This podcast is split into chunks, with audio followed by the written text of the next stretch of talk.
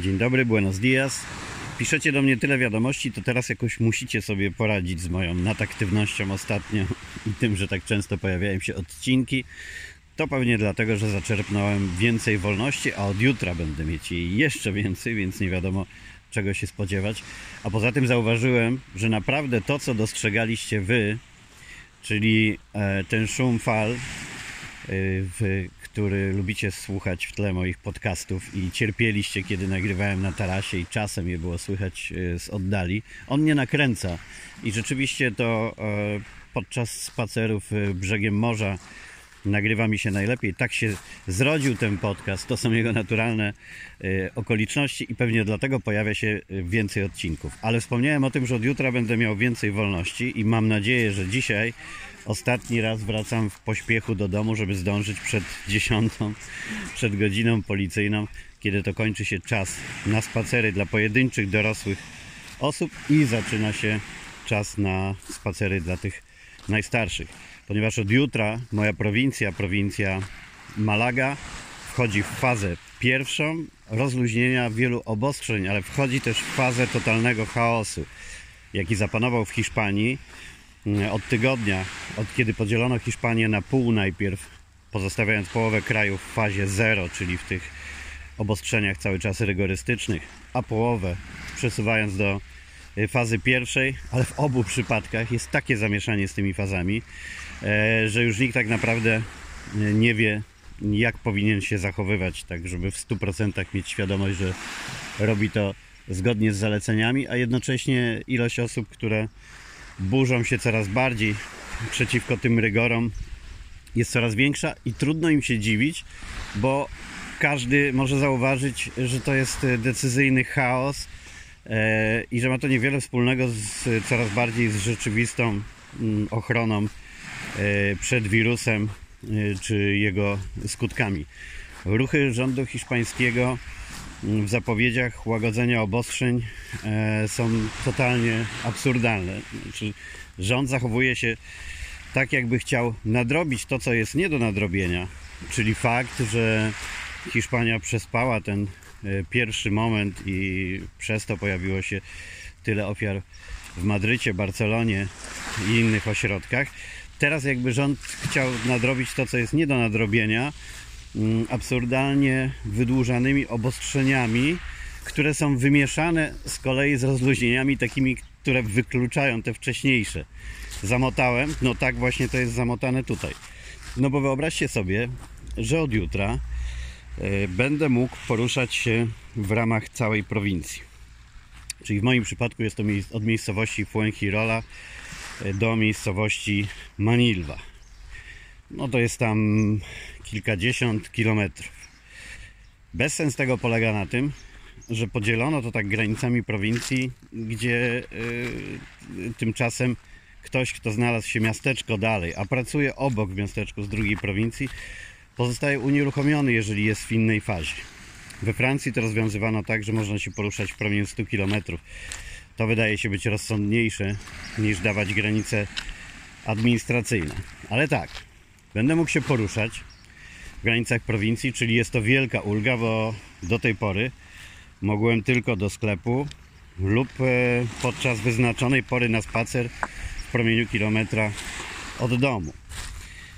Pytanie tylko, e, w jakim celu e, będę mógł się poruszać, bo to nie zostało wciąż jasno określone e, i niepokoi to wszystkich, ponieważ jednocześnie rząd Hiszpanii zdecydował, że cała Hiszpania pozostaje jeszcze na miesiąc, czyli przypuszczalnie do końca czerwca nawet, w fazie stanu alarmowego czyli w formie takiego stanu, którego się tyle czasu nie mogła doczekać Polska, stanu wyjątkowego, jak zwał, tak zwał. Ten stan, który trwa od 14 marca, ma pozostać do końca czerwca, a jednocześnie w środku tego stanu mają panować różne złagodzenia, o których ostatecznie decyduje też prowincja.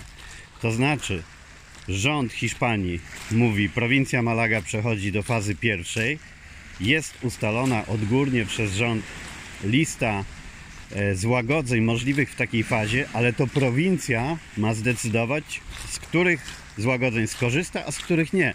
Wobec tego mamy totalny chaos, jeżeli coś z tego zrozumieliście. Oznacza to, że w każdej prowincji e, może być e, inaczej. E, Przy bałaganie informacyjnym, jaki panuje w Hiszpanii i tym, że naprawdę jest tu słabo z komunikacją i poszczególnych miejscowości, i, i prowincji, i regionów. Brakuje a, takiego jednego miejsca, gdzie zawsze pojawiałyby się czytelne informacje, przygotowane też w taki sposób, żeby zrozumiały je setki tysięcy cudzoziemców przebywających tutaj, to w tym chaosie już nie- wiadomo jak sobie radzić. Dlatego, że idąc dalej za absurdami, e, będzie można otwierać od jutra e, w mojej prowincji e, restauracje przy wielu regulacjach sanitarnych, przy tym, że będą mogły działać tylko na zewnątrz stoliki, co tutaj nie jest niczym specjalnie nowym, bo większość restauracji przez większą też część roku działa tylko na zewnątrz, więc tutaj to nie jest akurat nic nowego. Ale oczywiście będą musiały być zachowane odległości między stolikami, żeby ludzie nie mieli ze sobą bliskiego kontaktu. Co jest kolejnym absurdem, bo 90% y, restauracji tutaj na wybrzeżu jest położonych wzdłuż promenady nadmorskiej, jak to zwykle bywa, i stoliki stoją po prostu na promenadzie. Czyli teraz właściciele zachowają odstęp tych stolików mm, taki, jaki jest zgodny z przepisami, ale one będą stały pośród tłumu ludzi przewalającego się e, przez e, promenadę. Więc jest to kolejne udawanie, że coś się robi, ale absurd goni absurd, ponieważ nadal jest stan alarmowy i nadal mają być zachowane te godziny spacerniaka, jak, jak to nazwałem, e, te regulacje, czyli od 6 do 10 pojedynczo dorośli mogą spacerować, uprawiać sport, potem starsi, potem dzieci, potem znowu wieczorem dorośli, już Wam to opowiadałem. E, A jednocześnie sklepy, restauracje, punkty usługowe mają być otwarte cały czas. Czyli teraz tak, jeżeli chcę spacerować, to wolno mi wyjść tylko w wyznaczonych godzinach. Z tą różnicą, jak rozumiem teraz, ale być może czegoś nie rozumiem, że mogę spacerować w granicach całego regionu. Czyli jeżeli szybko biegam, to mógłbym przebiec w czasie tego spacerniaka czterogodzinnego tam sporą ilość kilometrów. Ale poza tymi godzinami mogę iść przecież do sklepu, do apteki, do restauracji do wielu punktów usługowych. Iść lub jechać na terenie całej prowincji.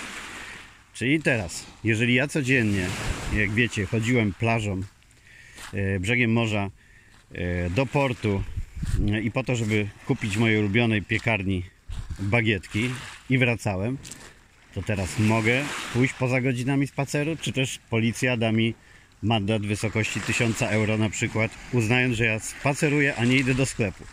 Kto ma to ocenić? Jak wygląda chód idącego do sklepu, a jak spacerowicza? Czy można iść do sklepu brzegiem morza, które jest bezpieczniejszym spacerem, bo przecież idzie się praktycznie w przypadku Estepony samotnie, a na promenadzie jest sporo ludzi? Czy też nie? Czy też ścieżka e, wyznaczona do e, sklepu e, czy do restauracji jest inna? Teraz, czy jadąc samochodem w granicach prowincji, bo od razu sobie pomyślałem o wielu miejscach, które będę mógł odwiedzić, e, mówiąc, że jadę tam do sklepu, do restauracji, bo przecież nie mogę na spacer, no chyba, że to będą te godziny.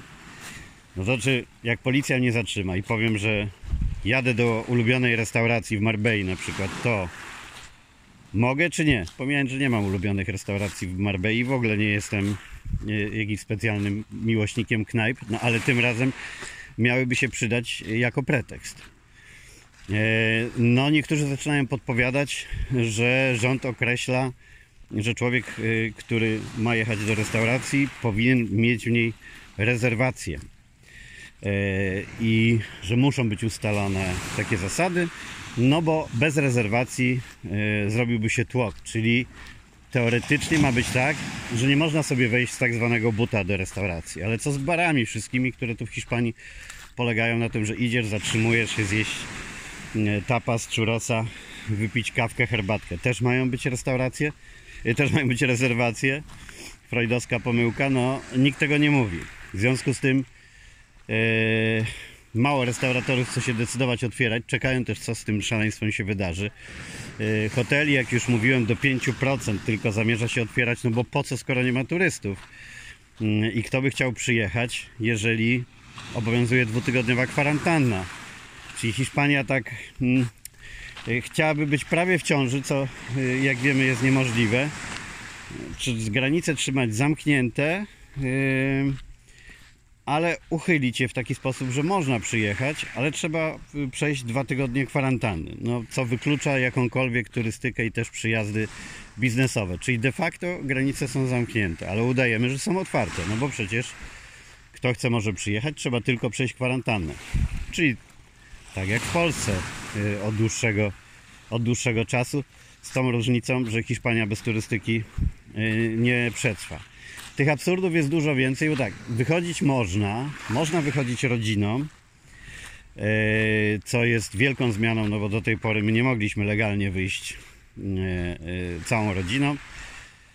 Udawaliśmy, na szczęście mamy bliźnięta, to ja udawałem, że jestem z Maksiem, Nadia, że z Goś, e, Nadia z Gosią. Jakby pojawiła się policja, mieliśmy trzymać odległość od siebie. No, totalny absurd. W przypadku rodziny niezrozumiałe, dlaczego rodziny nie mogły wychodzić razem. Teraz mogą. Mogą też razem przebywać w samochodzie. Co ważne, z wielką ulgą dla nas, bo będziemy mogli w parę miejsc pojechać ulubionych, będąc e, wspólnie w samochodzie. Jak tylko naładuje akumulator, bo auto stało 3 miesiące i odmówiło współpracy. No ale teraz znowu będziemy chcieli pojechać na ulubioną plażę Cristo, na którą tak czekają dzieci. Wolno nam czy nie? Poza tymi wyznaczonymi godzinami dla dzieci. Jest to forma spaceru czy nie? Bo jeżeli nie, no to tam jest na szczęście restauracja. Nie wiem, czy będzie czynna. No, możemy powiedzieć, że jedziemy do nich. Kto ma o tym decydować? Yy, Co jest ok? No najgorsze, że policja, która mm, ja mam fatalne doświadczenia z nią, póki co każde moje zetknięcie z policją hiszpańską potwierdza opinię najgorszej w Europie. I teraz jak oni mają decydować o tym w tym chaosie jeszcze, yy, co jest dozwolone, a co nie, i dodawać od tego, do tego takie sytuacje doraźne, czyli tak jak to, kiedy zatrzymali mnie na promenadzie, jaką ja i wszyscy tutaj jeżdżę rowerem od kilku lat i nagle stanął patrol policji i stwierdzili, że nie wolno mi jeździć, wmawiali mi, że nigdy nie wolno było jeździć e, i zachowywali się tak, jakby mogli wszystko i to jest ten problem też chaosu i regulacji, że policja, która dostała prawo do przyznawania tych gigantycznych mandatów, tych do 30 tysięcy euro, już wcześniej miała przewrócone w głowie, no a teraz y, zachowuje się tak, jakby mogła wszystko i obawiam się, że na długo im to zostanie. I nie jest to zachęcające dla szczególnie cudzoziemców, turystów, którym wiadomo, że ciężej się odnaleźć i dyskutować z policjantami niż, y, y, niż lokalesom. To olbrzymia e, praca będzie musiała być dla rządu Hiszpanii, dla poszczególnych prowincji, żeby przede wszystkim przeszkolić policję i wytłumaczyć im, że na ich pensję nie będzie niedługo pieniędzy, szczególnie tu na Costa del Sol, jeżeli nie nauczą się dobrze traktować cudzoziemców i turystów, bo bez nich region tutaj e, nie przeżyje. Długa droga przed nimi, bo to jest kwestia mentalności, tego maczyzmu takiego hiszpańskiego, który w połączeniu z mundurem policyjnym przybiera absurdalne rozmiary już.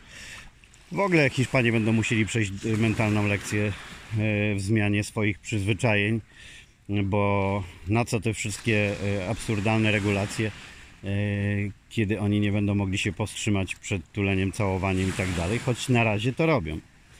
Dalej w tym chaosie jest to, że nie można się spotykać y, w gronie znajomych ani rodzinnym y, w, w domach. Nie wolno się odwiedzać.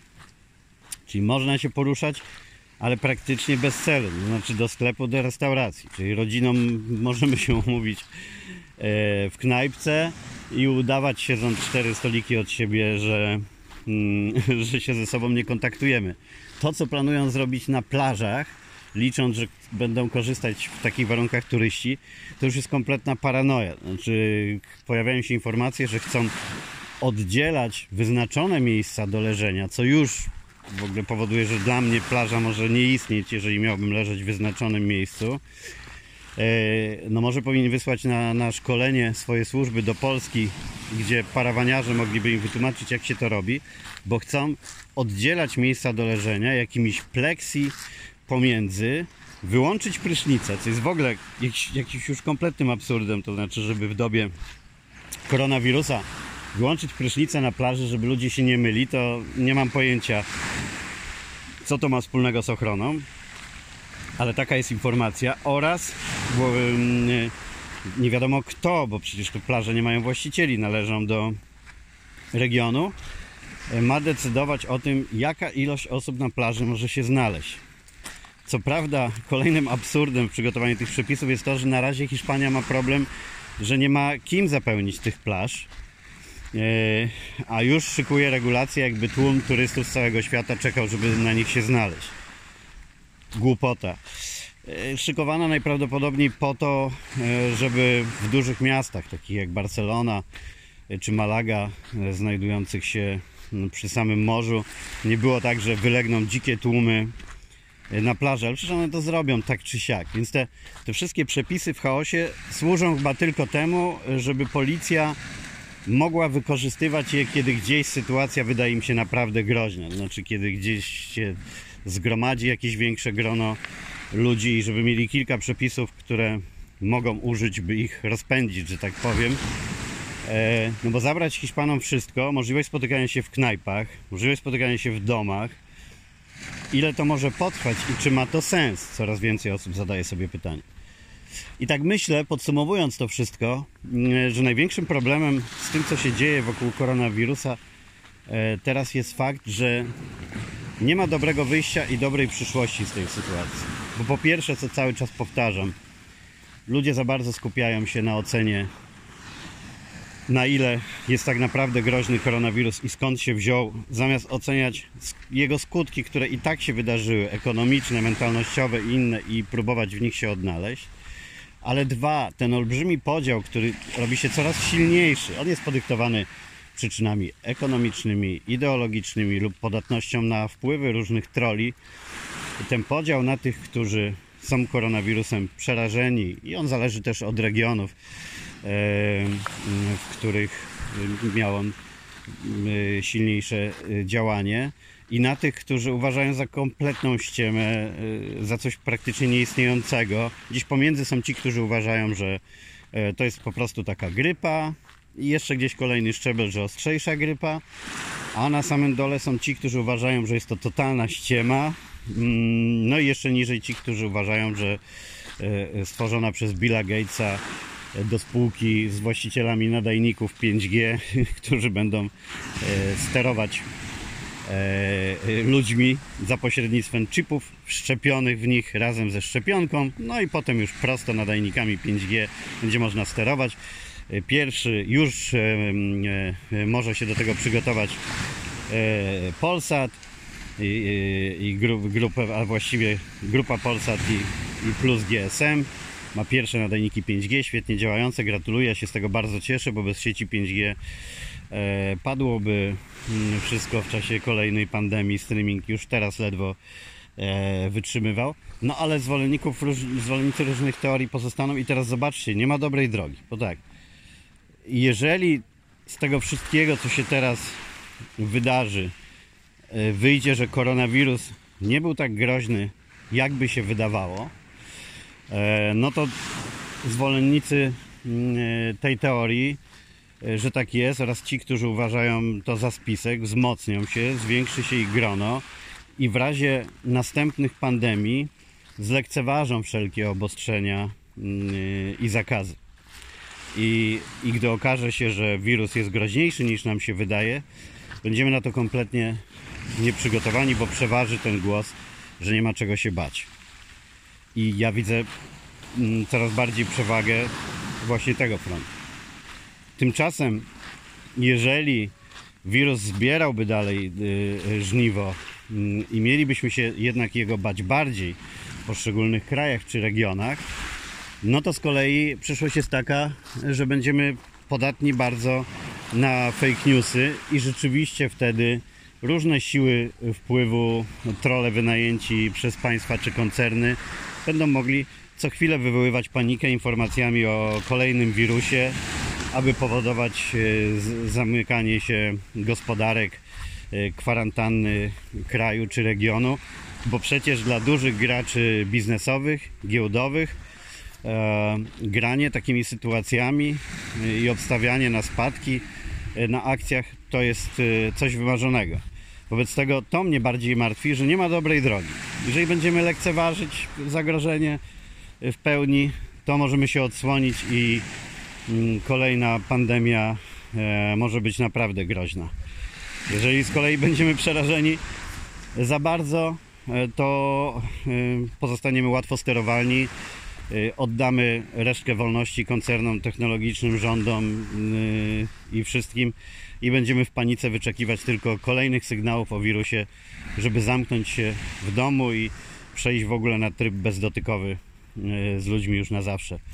Jak to mnie martwi, jak tego mi brakuje, przytulania, całowania, witania, Mam nadzieję, że jednak to e, kiedyś wróci. Ale póki co, właśnie również ze względu na ten chaos, nie widać światełka w tunelu. Znaczy nie widzę teraz wystarczającej ilości ludzi środka. Ich zawsze brakuje w polityce, w poglądach ekologicznych, wszelkich innych. Ja się uważam mimo wszystko, pewnie dla niektórych jestem niszowym świrem, e, ekoterrorystą e, i dziwakiem, Mm, a ja z mojej pozycji uważam się za człowieka środka jednak wielokrotnie w poglądach i, i politycznych, i ekologicznych, i ekonomicznych, wszel, wszelkich innych, ale em, takich osób jest bardzo mało. Gdzieś pojawiały się e, frakcje symetrystów, ale one szybko się osłabiały, właśnie takich będących niby trochę po środku. No i teraz takich osób będzie brakować najbardziej, które potrafiłyby nie bagatelizować rozsądnie mm, uzas- uzasadnionego zagrożenia, ale też nie popadać w panikę e, przy jakichkolwiek, często też fejkowych sygnałach, że świat powinien się znowu zamrozić.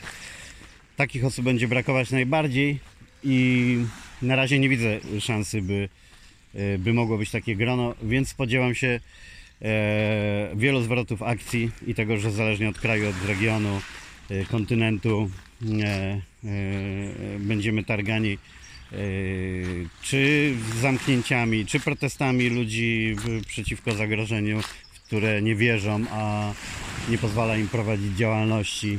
No będzie to gorący okres, w którym poradzą sobie najlepiej kraje, gdzie jest niezły rząd mający zaufanie e, społeczne.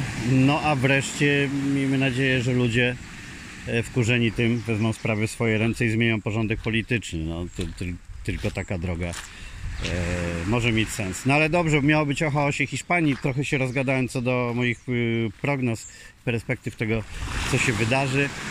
Tutaj w każdym razie panuje totalny chaos, który może być takim eksperymentalnym e, e, miejscem dla mm, całej Europy albo całego świata. Obserwując, jak miotają się Hiszpanie, próbując wprowadzać e, e, obostrzenia lub złagodzenia tych obostrzeń, e, tak by zapewnić e, obywatelom raczej poczucie bezpieczeństwa niż samo bezpieczeństwo i zobaczymy, jakie będą tego skutki. I tu znowu nie ma dobrej drogi, bo jeżeli zwiększy się ilość zachorowań, e, no to wtedy będzie hejt ludzi, e, że rząd sobie kompletnie z tym nie poradził. Jeżeli ich nie będzie mimo zwiększenia ruchu, no to będzie hejt ludzi, że zagrożenia żadnego tak naprawdę nie było, e, a rząd trzymał ich tyle miesięcy w domu, zniszczył gospodarkę, wprowadził określony region w ruinę zupełnie bez powodu. Ciężki czas, e, ale my musimy z niego wyciągać pozytywne wnioski, tak jak mówię wielokrotnie, i starać się skupiać na sobie, na, na, na, na zmianach wokół siebie, nie dać się sterować, e, e, nie dać się sterować mediom, zwłaszcza tym, które tylko podgrzewają e, sytuację. No i starać się właśnie gdzieś znaleźć ten balans, ten środek. Ten balans jest teraz ważniejszy niż kiedykolwiek. Nie panikować nadmiernie, nie lekceważyć też totalnie. Z takim hasłem pozostawiam Was dzisiaj. Do usłyszenia.